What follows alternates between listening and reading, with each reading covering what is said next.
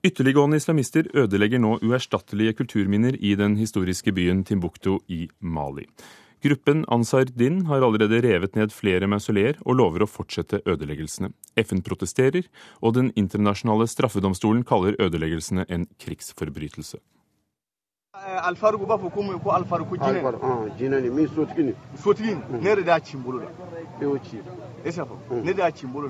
Jeg rev ned Al-Farouk-monumentet med mine egne hender. Folk i Timbuktu sa at Farouk var byens beskyttende ånd, men det er bare Gud som kan beskytte noen, sier Mohammed Kass. Han er en av lederne i den ytterliggående gruppen Ansardin, som tok kontroll over den historiske ørkenbyen i Nord-Mali for et par måneder siden.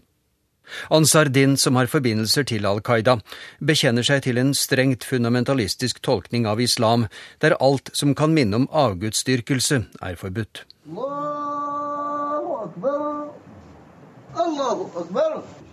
Gjennom mange hundre år var Timbuktu et knutepunkt for handelen gjennom Sahara. Byen var også et kjent islamsk lærested, og huser nærmere 100 000 manuskripter, som oppbevares i private hjem og biblioteker. I 1998 satte UNESCO, FNs komité for utdanning, vitenskap og kultur, byen på sin liste over verdensarven. Militante islamister har de siste dagene ødelagt flere muslimske helgengraver.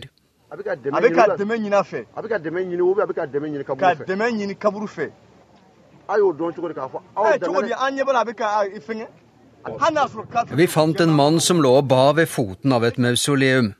Da brøt vi opp døren til mausoleet og løftet den av hengslene. Vi syntes han var dum som lå og ba ved graven til et menneske, uansett hvem det er, for du kan bare be til Gud, forklarer Mohammed Kass. I dag kom meldinger om at islamistene har knust hovedporten i Sidi Yahya-moskeen. Denne porten har vært låst i flere hundre år, og ifølge folketroen skal den først åpnes på den ytterste dag. Det er risque sérieux de destruction pèse sur toutes. Nous attirons l'attention de la communauté internationale sur cet état de fait det er fare for at byen vil bli ødelagt i all sin rikdom. Derfor ønsker vi å gjøre verdens land oppmerksomme på denne bekymringsfulle utviklingen, sier en representant for Timbuktus intellektuelle. Han leser opp en erklæring der det heter at byen er i fare for å miste sin sjel, og at byen har en kniv mot strupen.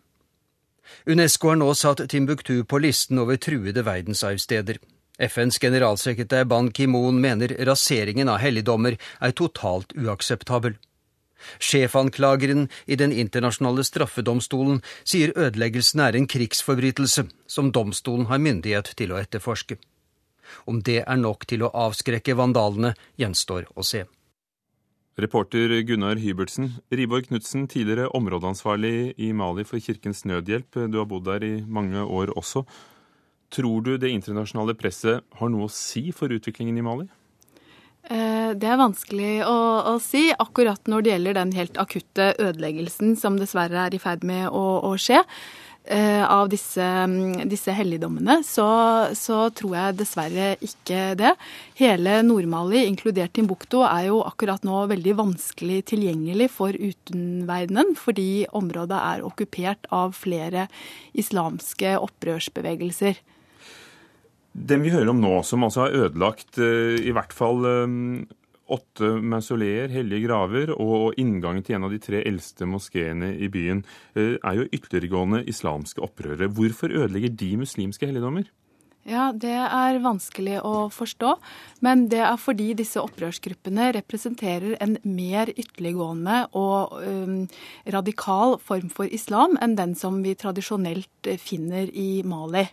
Eh, opprørsbevegelsene eh, er influert av salafisme og mens eh, folk i Mali og i Timbuktu vanligvis eh, ikke, ikke er det. De er sunnimuslimer og inspirert av sufisme. og har utviklet disse tradisjonene som har holdt seg i hundrevis av år. Og Hva består denne motsetningen mellom salafisme og sufisme Eh, motsetningen består i hvert fall Nå er ikke jeg noen islamekspert, altså, men motsetningen består i hvert fall i at eh, disse opprørsbevegelsene mener selv at de tolker islam på en riktigere måte, og også en mer bokstavtro måte.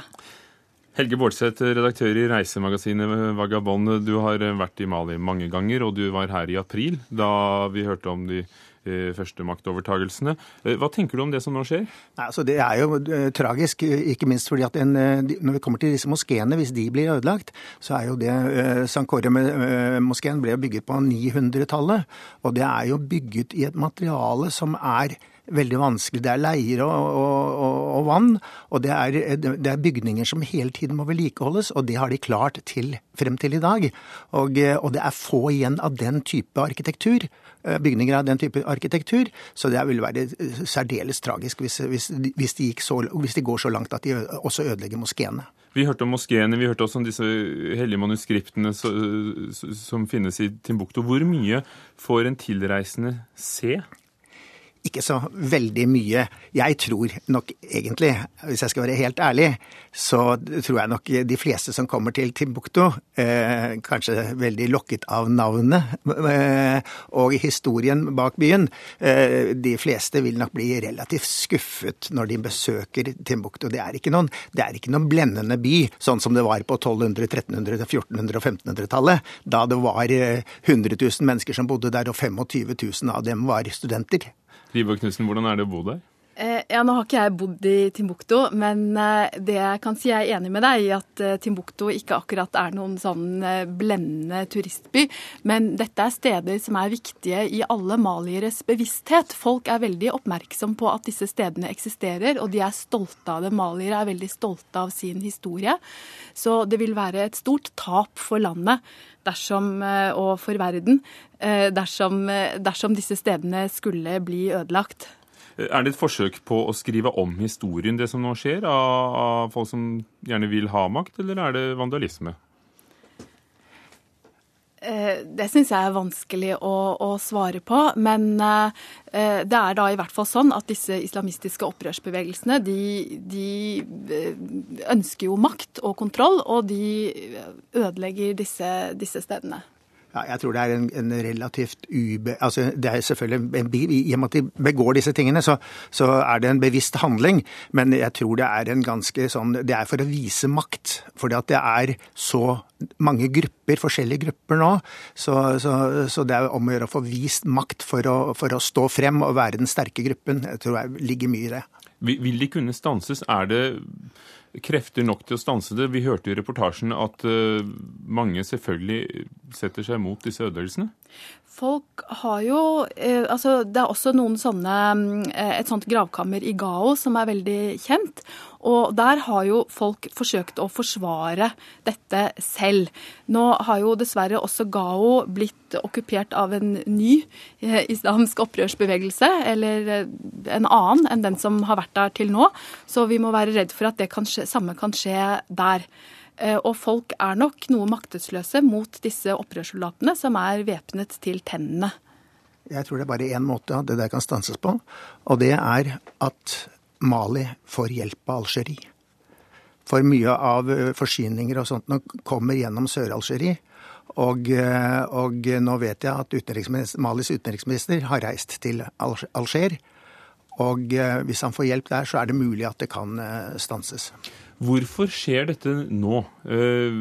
Først et maktovertagelse, og så opprørere. Og det er mange forskjellige opprørsgrupper. Men, men hvorfor nå?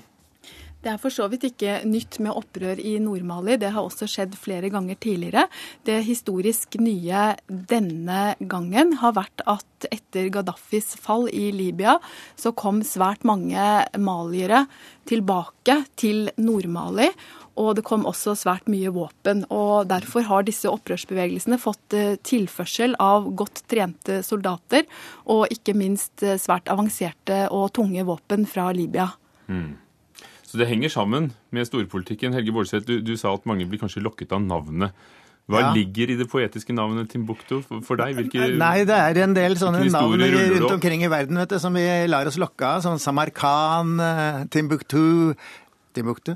Eh, og, eh, og, det er, eh, og det er historien og, og, og vi tenker liksom jeg tror altfor mange nordmenn tenker på Afrika. Vi, vi, vi, regner med at den begynner liksom ved koloniseringen av, av, Afrika, men vi tenker ikke tilbake at, at f.eks. Mali var et, et, stort og mektig kongedømme mange, mange hundre år tilbake.